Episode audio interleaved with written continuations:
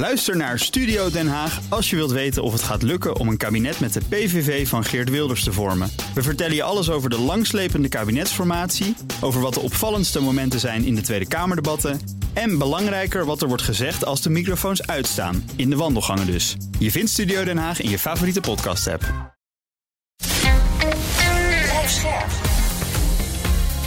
BNR Nieuwsradio. De AEX-factor. Wesley Weerts, Jelle Maasbach. Fijn dat je weer luistert naar de AX Factor, de podcast voor de slimme belegger. Elke week hebben we een nieuwe gast die jou bijpraat over beurzen, beleggen en vermogen opbouwen. En deze week is bij ons Jean-Paul van Oudheusden van Markets Are Everywhere en marktanalist bij eToro. Goed uh, dat je er bent. Een aflevering waarin we het gaan hebben over China en de opkomst van India. Want steeds meer bedrijven lijken India boven China te plaatsen. Bijvoorbeeld Apple, dat verplaatst een deel van zijn productie van China naar India. En Opel wil zelfs helemaal niet meer naar China. De vraag is wat er overblijft van Made in China. Kan India het stokje van China overnemen nu het land zijn status als internationale productieschuur dreigt te verliezen? En wordt beleggen in India daardoor een stuk interessanter? Nou, antwoorden op die en nog heel veel meer vragen krijg je in deze aflevering. Uh, Jean-Paul, om te beginnen, wat zijn uh, voor bedrijven de belangrijkste argumenten om China de rug toe te keren? Nou, dat zijn er eigenlijk twee. Uh, dus enerzijds heb je die alsmaar aanhoudende lockdowns. Daar worden bedrijven ook helemaal gek van. En dat heeft ze ertoe gebracht om te denken, nou, we kunnen beter wel diversificatie aanbrengen in die verschillende toeleveringsketens. Want dan zijn we minder afhankelijk.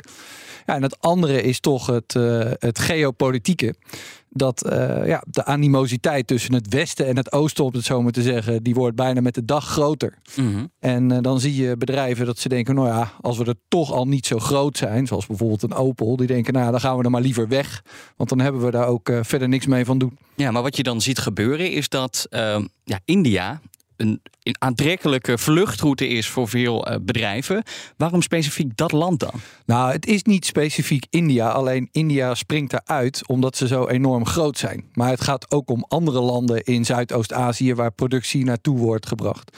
Maar India is wel uh, ja, interessant. Het is inmiddels de vijfde economie van de wereld. Ze hebben dit jaar het Verenigd Koninkrijk ingehaald. Dus ze zitten nu, natuurlijk staan Verenigde Staten, China ver bovenaan. Mm -hmm. ze hebben nu Japan en Duitsland in het vizier. En uh, dat is al jaren gaande. En er gaat heel veel aandacht uit naar China en eigenlijk weinig naar India. Terwijl als je ook naar de Indiase beurs kijkt, dan doet hij het eigenlijk beter dan alle andere indices die we hier uh, regelmatig bespreken. Dan zie je eigenlijk dat China ja, die bedrijven een beetje wegjaagt. Hè. Bedrijven worden helemaal tureluur van dat uh, zero-covid-beleid. Maar wat doet India eraan om bedrijven daarnaar binnen te hengelen? Hebben ze ook een bepaald beleid om dat voor elkaar te krijgen? Ja, India is, is gewoon een intrigerend verhaal als je terugkijkt naar de historie. Want een vraag die ik me regelmatig stel is als je ziet in de tijd dat China zo gegroeid is, waarom is India niet even hard gegroeid? Dus het verschil is echt heel groot. Nou, als je dan gaat kijken, dan is het wel enerzijds de, de Chinese winnersmentaliteit. Aan de andere kant heeft India zeg maar tussen 2003 en 2011 het ook al een keer geprobeerd. Toen groeide China ook zo hard. Maar toen deden ze het vanuit de overheid. Ja, dat is eigenlijk falikant mislukt. Met infrastructuurprojecten die allemaal niet goed liepen. En nu hebben ze de route gekozen om te zeggen: nou ja, we doen het dan maar niet meer als overheid, maar we laten het grote bedrijven doen. En dan zie je dus bij een bedrijf als Tata. Uh, wat eigenlijk ja, zo'n conglomeraat, daar vallen weet ik het hoeveel bedrijven onder.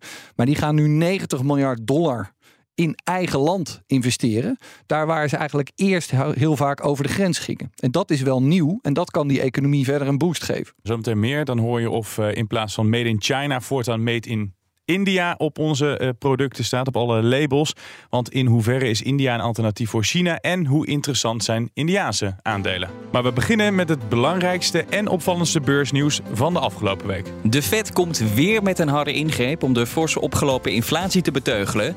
De rente gaat met 75 basispunten omhoog. If we want to set ourselves up, really, really light the way to another period of a very strong labor market, we have got to get inflation behind us. I wish there were a painless way to do that. There isn't. De Britse regering heeft een plan om de economie te stutten. Tientallen miljarden extra uitgeven, burgers compenseren en de belastingen naar beneden.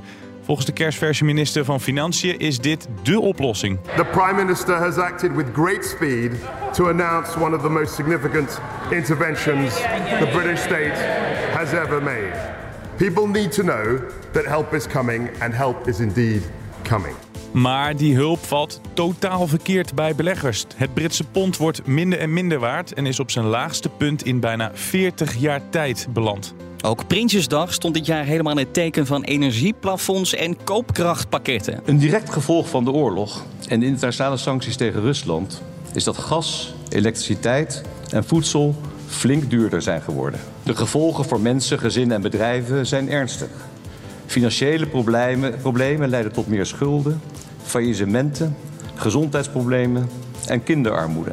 Beyond Meat, maker van vleesvervangers, heeft een directielid op non-actief gezet. Niet vanwege fraude of ongewenste intimiteiten, maar omdat hij zich had vastgebeten in iemands anders neus.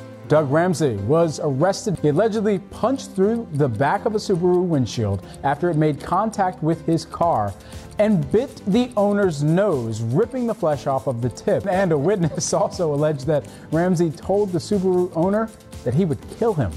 Vanaf 29 september kan iedereen een stukje Porsche bezitten. De Duitse autofabrikant gaat naar de beurs. De verwachte opbrengst 70 tot 75 miljard euro. En dat is wel ietsjes lager dan gedacht. So I think the range that they come out uh, now is sitting pretty much like right in the middle of like what has been discussed before, I guess. Maar ja, goed, het is nog altijd een van de grootste Europese beursgangen in jaren. En over auto's gesproken, Ford beleefde deze week zijn slechtste beursdag in meer dan 11 jaar tijd.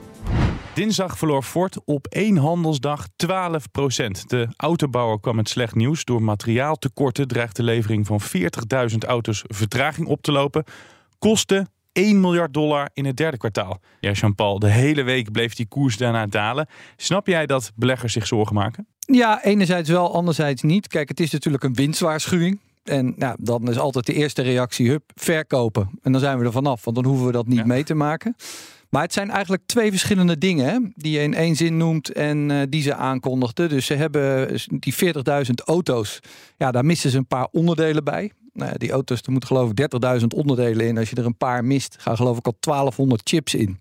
Uh, ja, dan moet dat even wachten. Maar daarvan hebben ze gezegd: oké, die komen dus niet in het derde kwartaal, maar in het vierde kwartaal. Mm -hmm. Dus we handhaven uh, de vooruitzichten voor het hele jaar. Dat is eigenlijk niet zo erg.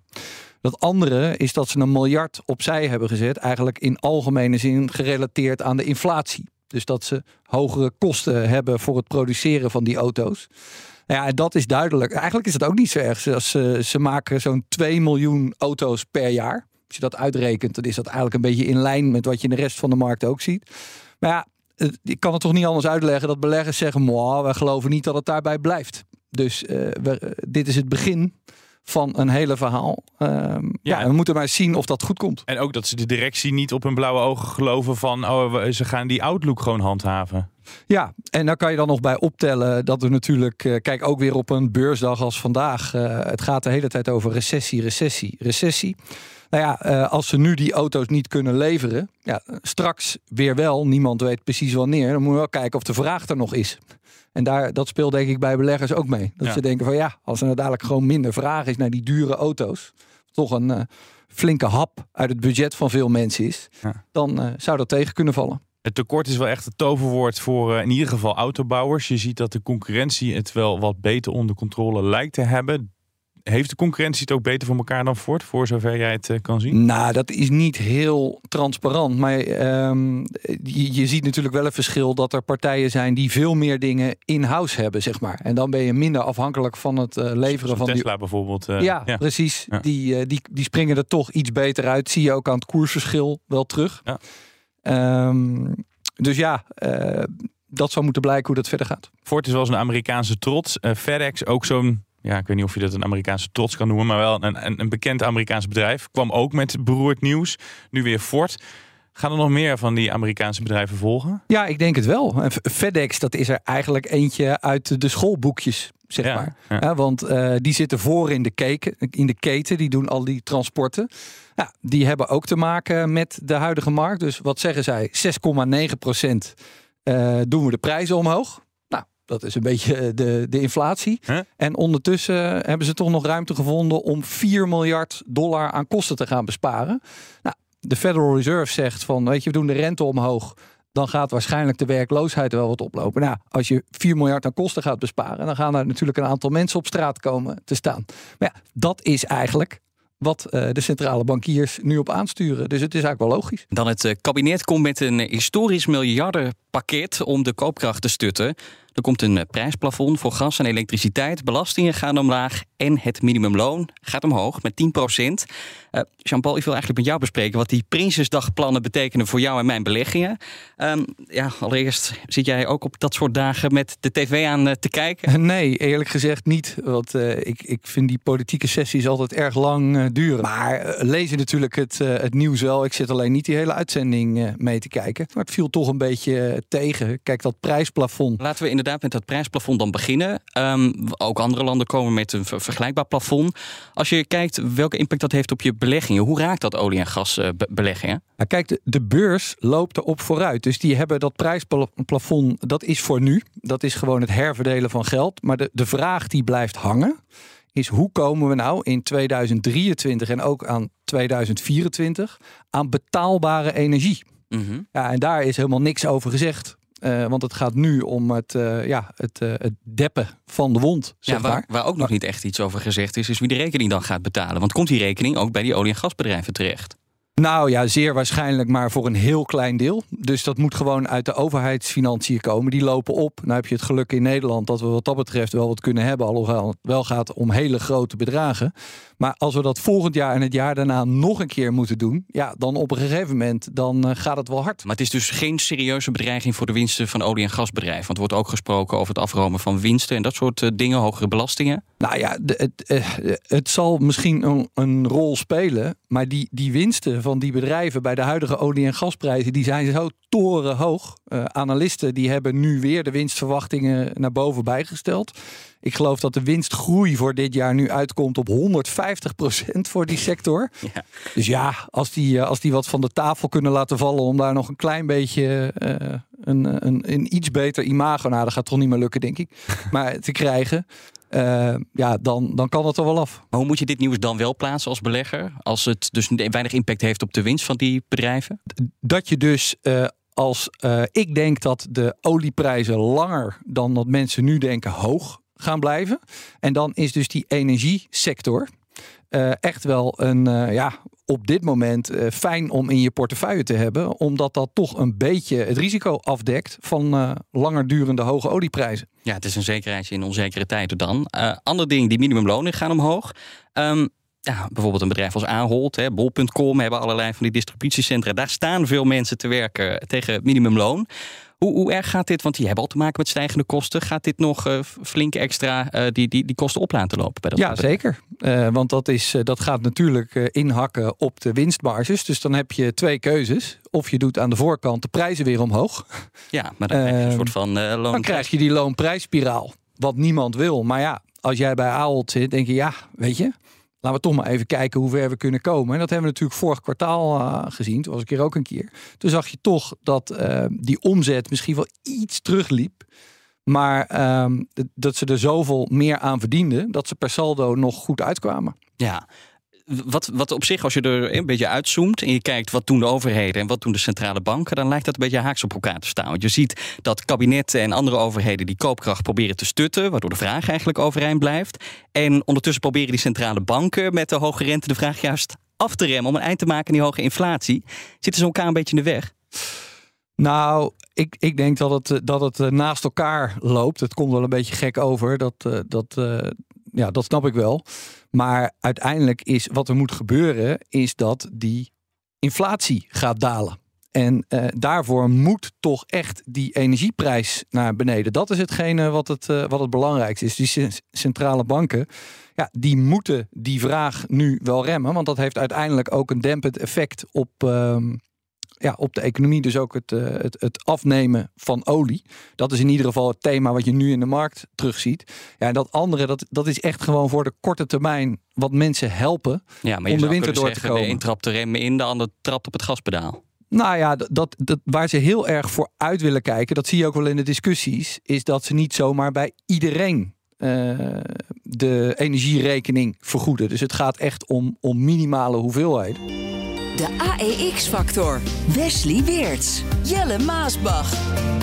Prijzen stijgen, alles wordt duurder, ook je abonnementen. Wat wel gratis is trouwens, is de AEX-factor. Slecht bruggetje. Als je je abonneert, dan krijg je de nieuwste aflevering gratis. En vind je hem ook nog eens eerder in je favoriete podcast-app. En zijn wij nog beter vindbaar. Dan naar de opkomst van India en het verval van China. Want terwijl we het hier over prijsplafonds hebben en de coronapandemie zijn vergeten, is het in China nog steeds het gesprek van de dag. Aan de lopende band worden fabrieken stilgelegd door het zero-covid-beleid van de Chinese president Xi Jinping. Terwijl de Wereldgezondheidsorganisatie zegt: stop ermee. We uh, indicated that the approach, um, uh, you know, will not be sustainable. China kampt met veel problemen tegelijk. Zoveel dat de economische groei in het tweede kwartaal tot stilstand kwam. En dan wil ook nog eens het Westen, zeg maar goede klant, minder afhankelijk worden van China. Wat is, Jean-Paul, op dit moment de grootste bedreiging voor China? Want er zijn heel wat uh, bedreigingen, zou je kunnen zeggen, voor die economie. Nou, de grootste bedreiging voor China is wel uh, de, de vastgoedcrisis die uh, erin zit. Er zijn zoveel uh, huizen gebouwd. Ik hoorde wel eens iemand zeggen: er zijn uh, meer huizen gebouwd dan dat de Chinezen zijn. Ja.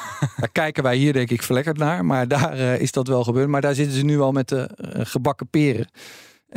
want ja, um, die bubbel die is nu aan het barsten. Dus er is heel veel vooruit gefinancierd. Ja, en dat levert heel veel problemen op. En dat is echt wel een rem op de hele economie. Ik ben een paar keer een vriend van mij wezen opzoeken in China. En dan ga je met zo'n hele snelle trein, wat echt geweldig is, kan ik iedereen aanraden, maar door het platteland. En dan stop je op een gegeven moment in een stadje wat, nou ik ben geboren in Tiel.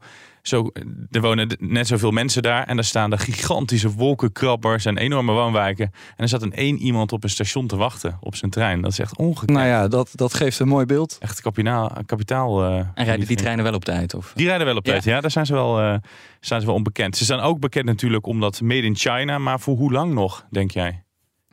Ja, dat is natuurlijk uh, prikkelend. Uh, is dat de titel uh, voor vandaag?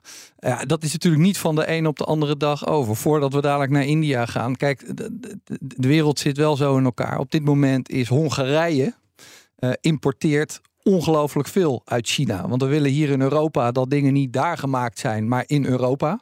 Dus die Chinezen, die zijn nu gewoon onderdelen aan het aanleveren aan landen die ze willen hebben, zoals Hongarije. En dan zetten ze het daar in elkaar en dan staat er meet in de EU.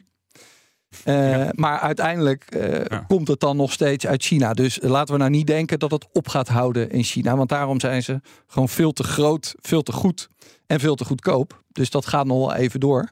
Maar Um, het was de fabriek van de wereld, maar het wordt minder de fabriek van de wereld. Ja, want, want er is natuurlijk wel politieke tegenwind. En uh, we noemden al eerder ook die lockdowns. Dus ja, er wordt ja. zeker wel gekeken naar meer diversificatie naar andere landen. Om zowel de lockdowns als het regime. Ja. En jij zei al, uh, er zijn meer landen die profiteren, maar één daarvan is, uh, is India. Nog even, waarom is India dan zo'n lekker land om daar naartoe te gaan? Nou ja, ze willen gewoon heel graag. Ze, ze hebben toch een beetje in, in Azië zien gebeuren hoe de opkomst van China is gegaan. Nou, mensen zijn volgens mij elke dag aan tellen. Maar zo ongeveer nu zitten we op het punt dat er meer Indiërs zijn dan Chinezen. Niemand weet het precies. Um, en die willen ze natuurlijk ook allemaal een betere welvaart geven. Want die welvaartsgroei die ze in China hebben gezien, dat willen ze daar ook. Nou, um, meneer Modi daar in India, die heeft gezegd van laten we met een aantal bedrijven meer in eigen land gaan investeren. Dat zijn ze nu aan het doen. Uh, is uh, hoog risico. Ja, want uh, in het verleden hebben ze het al eens een keer gedaan en toen is het niet helemaal gelukt. Maar ze gaan er in ieder geval wel voor. En wat gaan ze dan doen? Ja, alle dingen um, die je, die je kunt bedenken.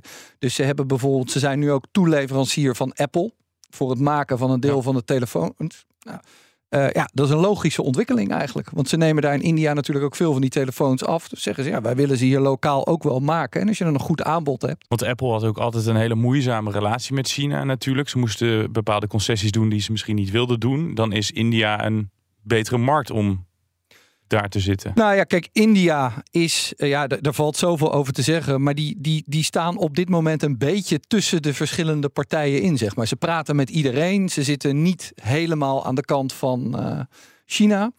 Uh, of helemaal niet. Ik bedoel, het zijn ook geen uh, echte boezemvrienden. Mm. India zit dan nog bij de, bij de Quad, zoals dat heet. Een viertal landen met Japan, Australië, de Verenigde Staten en India.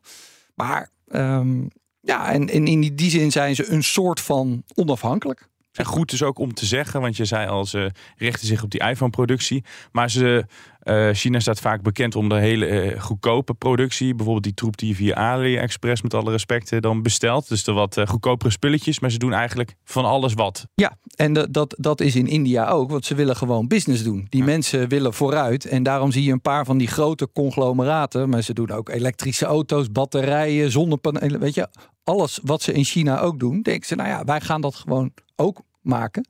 Ja, en wat ze zullen moeten bewijzen is dat ze dus. China heeft wel die, die, die toeleveringsketens waar we het elke keer over hebben, waanzinnig efficiënt gemaakt. Dat moet India nog wel bewijzen dat ze dat ook op grote schaal kunnen doen. Maar ja, daarvan denk ik, ja, waarom zou ze dat niet lukken? Nee, want dat is wel een belangrijk punt. Want zeker als je die iPhones maakt, je werkt altijd als strakke deadlines toe, ja. strenge kwaliteitseisen, geheimhoudingsplichten. Dat lijken ze nu dus op orde te hebben nu uh, Apple ook de, de oversteek maakt naar India. Um, als, als we kijken naar de overeenkomsten en verschillen tussen India en China, in, in welke opzichten lijkt India op, uh, op China? Nou, dat ze heel veel mensen hebben die uh, door de jaren heen allemaal hoger opgeleid zijn. Uh, goed Engels spreken, uh, goed zaken kunnen doen. Dat zijn allemaal wel overeenkomsten die beide landen hebben. Ja, en qua, qua lonen, want we zijn ooit naar China gegaan omdat het goedkoop was. Dat wordt nu ook wat duurder. India, is dat goedkoper nu dan, dan China? Ja, ik kan het niet per productlijn uh, zien, maar dat ligt daar nog wel wat achter. En het is in ieder geval vanuit het Westen gezien nog steeds in onze optiek een lage lonenland. Het puntje wat misschien wel lastiger is, want uh, ja, Indiaanse medewerkers die verzetten zich toch wat meer dan de Chinezen tegen bijvoorbeeld slechte arbeidsomstandigheden. Uh, dat is wel lastiger als je ook goedkoop wil produceren. Wat zijn andere belangrijke verschillen tussen, tussen India en China? Nou, op dit moment is economisch gezien, je ziet het hier toch in een beursprogramma, is dat je vorig jaar in India economische groei zag van 8,9 procent. En de afgelopen jaren zit het elke keer tussen de 6 en de 8. En dat halen ze nu in China niet meer. Nee. Dus dat is ook wel uh, een duidelijk verschil. Dus het gaat economisch in India op dit moment dan relatief gezien beter in vergelijking ja, met en uh, nogmaals, kijk, het moet niet één groot juichverhaal zijn. Er zijn ook heel veel risico's uh, die je eigenlijk een soort standaard in opkomende markten altijd hebt. Ja. Vaak als het op een gegeven moment heel goed gaat, komt er een of andere politicus voorbij en die doet iets heel doms. En dan wordt het weer een stukje teruggewonnen. Nou, dat hebben we in China ook gezien. De, de, de president die uh, eigenhandig allerlei bedrijven de nek omdraait. Heb je daar in India ook last van? Nou, op dit moment niet op uh, die manier. Ze hebben wel een enorme klap gehad van die uh, coronacrisis. Maar geef het je te doen als je daar, uh, wat is het, 1,4, 1,5 miljard mensen moet, moet inenten. Ja. Um, maar het, het, het, het heeft in ieder geval ook heel veel perspectief. En dat zie je dus ook terug aan de ontwikkeling van bijvoorbeeld... Ze hebben daar dan ook een AX-index. Dat heet alleen de Nifty 50-index. Klinkt wel lekker. En uh, die doet het heel goed. Ja, nou ja, heel goed. Volgens mij staat hij wel nu vlak in vergelijking met als je het uh, dit jaar. Relatief gezien, ten ja. opzichte van noem het maar op, de SP 500, de AEX, ja, uh, de Hang Seng Index. Ja. Nou ja, we moeten, we, weet je, we, hebben, we, we, moeten wat sneller tevreden zijn dit jaar op de beurs. ja. Maar relatief gezien doet hij het heel goed. Ja, want de rest staat op min 20 ongeveer. En uh, die, die, die beurs in India die staat op uh, ongeveer 0 of min 1 procent geloof ik. Of ja, nou dat is, ja. Uh, dat is ja. Nee, je, je wordt er niet slapend rijk van, zeg maar. Je zei net, India moet zich nog bewijzen voor, voor die grote bedrijven. Apple die vertrekt. Gaan er meer grote internationale spelers uit China trekken, denk jij, naar India toe? Nou, ik, ik, ik denk niet dat er per se nou zoveel bedrijven zelf weg willen uit India. Maar ze willen wel allemaal die diversificatie. Ja, en, uit China, uit China weg. Ja, ja, en aan de andere kant is het effect natuurlijk dat India ook zegt: ja, als je mijn grote thuismarkt wil bedienen, dan is het niet meer dan logisch dat je ook een deel van de productie hier, hier doet, ja. als wij het ja. kunnen maken. Ja. Dus zullen bedrijven gewoon zeggen: nou, doe mij maar een aanbod. Ja, en als die twee factoren positief uitvallen, uh, dan zullen ze dat zeker uh, uh, overwegen en doen. We hebben met jou een keer een hele goede aflevering, al zeggen we het zelf, gemaakt over Chinese techbedrijven. als je die nog niet geluisterd hebt, ga die vooral luisteren. En, en, de impact van de macht van de Chinese regering, van Xi Jinping, dat was een risico, hè, hebben we het toen al over gehad. Is het als je nu in India zaken doet, dat je minder politieke bemoeienis hebt? Nou, als we het voor nu uh, simpel zeggen, dan zit het anders in elkaar. Want je hebt in uh, China, of in, uh, sorry, in India, heb je gewoon een aantal hele grote conglomeraten. dus die worden geleid door businessmensen. Er lijkt op dit moment nou niet direct een Jack Ma tussen te zitten. Maar ja, dat, dat zal nog moeten blijken. Want volgens mij doen ze het allemaal uh, ja, op goede voet met de overheid. Um, en die conglomeraten, ja, die hebben toch wel een business sense. En de naam die er dan uitspringt, dat is Tata. Hè, die we hier kennen van Tata Steel. Mm -hmm. Maar dat is veel groter dan dat. Uh, die gaan dus zo'n enorm bedrag van 90 miljard dollar in eigen land investeren in allerlei uh, businesses. Ja. Nou ja, en die hebben dat, dat is echt wel een teken aan de wand, want dat hebben ze jarenlang niet gedaan. Want ze gingen juist naar het buitenland. Ze hebben Jaguar overgenomen, Land Rover en Chorus dus in de tijd, omdat ze hun eigen regering niet vertrouwden. En nu doen ze het wel. Dus ze zeggen, nou ja, we gaan het toch een, een kans geven. Uh, want als dadelijk die Indiaanse consument er ook achter gaat staan, dan kunnen we daar toch een goed rendement op onze investering maken. En die vooruitzichten zijn echt wel goed als je je bedrijf hebt uit eigen land. Als je nog wat spelers zoals um, niet de minste Apple binnenhaalt. Dat is alleen maar. En, en, en die consument, die middenklasse doet mee. Ja. zien de vooruitzichten er goed uit. Dus wat mij betreft is de uitdaging echt uh, nu ook leveren op alle mogelijkheden. En als ze dat kunnen, dan, uh, ja, dan ziet het er goed uit. De Indiaanse uh, overheid die wil in ieder geval zoveel mogelijk bedrijven uh, dat die in hun eigen land uh, investeren. Nou, dat gaat misschien dan ten koste van China, maar misschien ook van ons. Want je noemde net Tata Steel al even. Is natuurlijk ook een bedrijf dat hier een vestiging heeft. Maar als ja, India het in eigen land aantrekkelijker probeert te maken, kunnen we dan ook een uittocht van Indiaanse bedrijven uit het Westen verwachten? Nou ja, wat dat betreft is natuurlijk Tata Steel gewoon één heel specifiek interessant uh, voorbeeld. Waarvan ik denk dat heel veel mensen hier ook niet zien wat voor uh, ja, kaarten dat zo'n bestuur op tafel heeft liggen.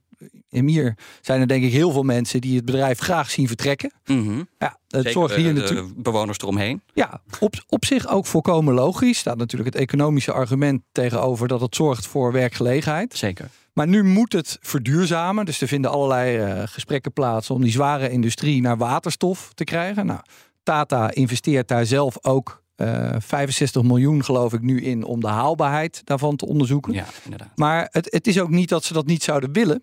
Het is alleen dat ze op een gegeven moment wel denken van ja, waar kunnen we het meeste tempo maken? Ja, en daarmee zal zeg maar bij wijze van spreken de Nederlandse overheid concurreren met een Indiaanse overheid. Maar denk je dan ook, Jean-Paul, dat er uh, bij dat bestuur van Tata Group, hè, dat is het moederbedrijf, uh, uh, dat daar veel druk wordt uitgeoefend ook om in eigen land te investeren? En dat Tata dan misschien wel het volgende bedrijf na Shell en Unilever is dat hier vertrekt?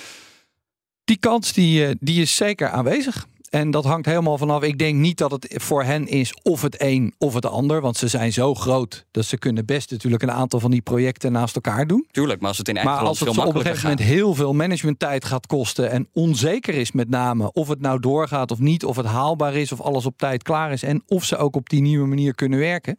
Ja, of wat er bijvoorbeeld in Europa gebeurt met de hoogte van die emissierechten. Ja. Uh, ja, dan zullen ze misschien op een gegeven moment zeggen: ja, op onze totale portefeuille is het zo klein. Laat maar zitten. Nou ja, tegelijkertijd kun je ook zeggen, eh, nou in IJmuiden gaan ze dus die, die plannen onderzoeken voor zo'n waterstoffabriek. Dat is eigenlijk toch een duidelijk signaal dat een vertrek uit Nederland niet aan de orde is, zou je zeggen. Nee, precies. En ik denk ook dat de intentie er ook wel echt is om het te laten werken. Maar eh, de, de, dat weten we natuurlijk bij dat soort onderwerpen. Vergunningen, toestemmingen, dingen. Het moet wel allemaal rondkomen. Het ging net over het rendement op die beurs eh, van India. Toen zei je, je moet in deze tijden misschien genoegen nemen met minder. In het algemeen is het uh, een beetje leuk beleggen daar uh, in India? Want jij hebt ons al wegwijs gemaakt op de Chinese beurs. Hoe staat het ervoor op die beurs van India? Nou ja, het is, het is grappig, want het is, uh, het is natuurlijk een hele andere cultuur, ander land. Maar voor de rest is veel hetzelfde. Dus als je kijkt naar de grote bedrijven in die Indiaanse AX. nou, de grootste op dit moment is Reliance Industries. Nou, mag jij raden welke sector dat die zitten? Ja, heel veel toch? Dat is een conglomeraat, of niet? Met name energie. Ja, ja want ook daar hebben ze gewoon, in energie hebben ze heel veel te doen. De grootste sector overigens zijn de banken. Dus daar heb je ICICI Bank, staat in de dingen. En uh, Infosys, is ook nog wel een naam die hier in Nederland nog wel eens voorbij hoort komen. Technologie. Zeg maar. Uh, dat zijn de grote drie. Ja. En als je dan een klein beetje, er staan nog wat banken bij. En dan heel snel kom je, ik geloof op nummer 6 op dit moment in de MSCI India Index staat uh, Hindustan Unilever. De grote divisie van Unilever. Unilever haalt net iets meer dan 10% van de omzet uit India. Mm -hmm. Dat uh, bedrijf is overigens al geloof ik sinds de jaren 50 onderdeel van uh, Unilever. En dat is natuurlijk altijd wel weer grappig. Want dan heb je weer een aanknopingspunt als Nederlander om te denken... Ja. hé, hey, dan ga ik op die manier eens wat meer over India leren. Een westers bedrijf daar dus eh, genoteerd aan die beurs. Eh, is het ook makkelijk om als westerse belegger daar eh, te beleggen? Nou ja, ik vind dit nou typisch, los van de vraag of je het moet doen of niet. Maar dit is nou iets als Nederlandse belegger, doe je dat met een ETF. Ja. Weet je, want je kent het verder niet om er nou één bedrijf uit te kiezen. Nee. Lijkt me moeilijk. En er zijn ETF's op India genoeg. Ehm, die, die volgen dan vaak niet die Nifty 50-index, maar de, de MSCI India-index. Nou, prima. Dan heb je toch exposure. En dus eh, nou, ook in, in eurotermen doen die het dit jaar ook eh, beter dan heel veel andere ETF's. Nifty Tifty, dat klinkt wel... eh, Dat klinkt goed, hè? Klinkt, eh, klinkt goed. Ja. Maar ja, zonder dat je advies geeft, is dat een beetje een interessante belegging, zo'n ETF daar? Nou ja, adv- advies geven doen we sowieso niet. Nee. Maar kijk, het is, het is, je moet dingen soms heel simpel houden. Ik, ik zit bij dit soort markten, denk ik altijd van, nou, weet je, stel nou dat ik even eh, mijn, mijn, zeg maar even mijn pensioengeld erin doe. En het gaat helemaal fout daar. Ja, kan ik dat tegenover mezelf verantwoorden? Dat ik denk, ja, waarom had ik het ook alweer in India gedaan? Dus er is gewoon heel veel voor te zeggen om het niet te doen. Ja, en dan, je hebt het niet nodig om je vermogen te beheren, om je portefeuille bij te houden. Maar er zijn wel een hoop mensen die vinden het leuk en die zeggen: ik wil wel wat risico nemen. Nou ja, dan heb je een portefeuille, naar mijn mening, met 80% in je kern. En 20% om leuke dingen te doen. Nou, dan zou je, weet ik het, zo'n 5%. eh, Ik gebruik zelf vier leuke dingen in dat stukje. Nou, daar zou India de beste eens één van kunnen zijn. Ja, ik denk alleen niet dat de familie van Oudheus het leuk zou vinden als al het pensioengeld... eh, Nee, dat moet je dus ook niet doen. dat gebeurt ook niet. Maar eh, het, het, het leuke is van zoiets in je portefeuille hebben.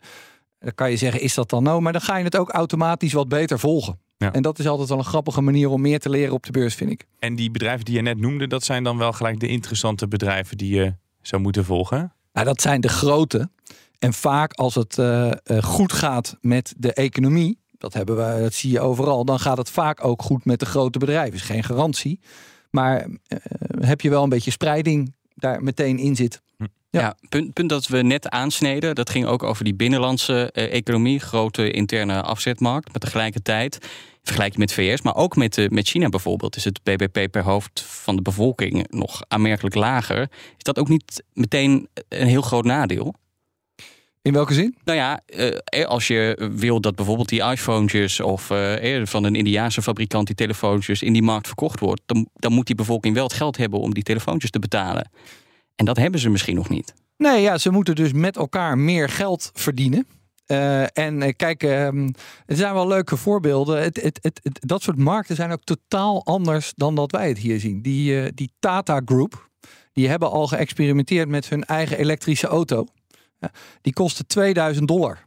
Weet je, dat, ja, dat is natuurlijk niet vergelijkbaar met eh pak een beter Audi e-tron of zo. Nee, maar wij staan hier ook al te juichen Ja? als ze eh, net rond de 20.000 euro zitten. Dan hebben we al eh, zeg maar bijna een record qua laagte. Ja, dus het, het, het, het, het is een andere markt. Je moet daar andere producten voor maken. Voor mensen die wat minder te besteden hebben. Eh, maar ja, je hebt dan ook wat, wat goedkopere input. Dus het kan wel.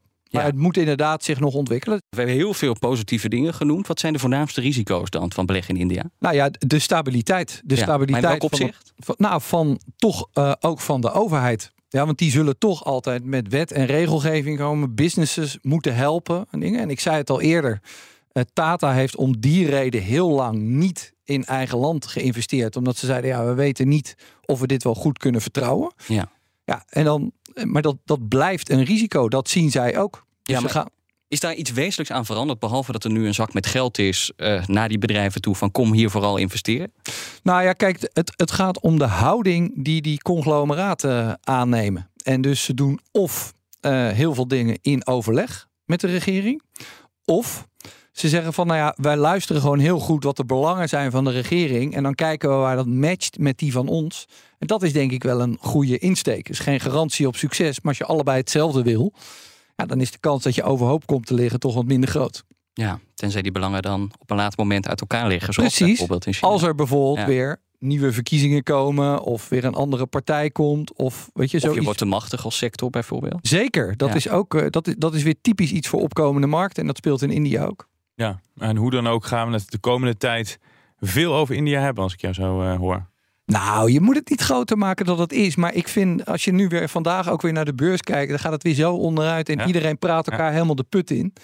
Eh, het- mijn bedrijf heet ook niet voor niks Markets are everywhere. Er liggen overal kansen. En wat dat betreft is het leuk om af en toe even met een oog naar India te kijken. Ja, inderdaad, eh, Jean-Paul, zoals jij zei. Markets are everywhere. En daar ben jij van, van beleggingsplatform Markets are everywhere en marktanalist bij eToro. Dankjewel dat jij er was. En daarmee zijn we dus aan het einde gekomen van deze aflevering van de AIX-factor. Eh, niet getreurd, want we hebben nog heel veel meer afleveringen gemaakt. Bijvoorbeeld die aflevering van vorige week. Het kwam hier al even aan bod. Porsche, want die is in de race voor een beursgang. Eh, nou, en we hebben een aflevering gemaakt waarom dat voor jou belangrijk is. Luister die terug, abonneer je en... Wees er volgende keer weer bij. Ja, en schrijf die review, hè? Die Oh, leuke review. Ja, en die review. Zeg iets leuks over Wesley, heeft hij nodig. Tot Ja, volgende week. Doei! Ook Bas van Werven vind je in de BNR-app. Ja, je kunt live naar mij en Iwan luisteren tijdens de ochtendspits. Je krijgt een melding van Breaking News. En niet alleen onze podcast Ochtendnieuws, maar alle BNR-podcasts vind je in de app. Download nu de gratis BNR-app en blijf scherp.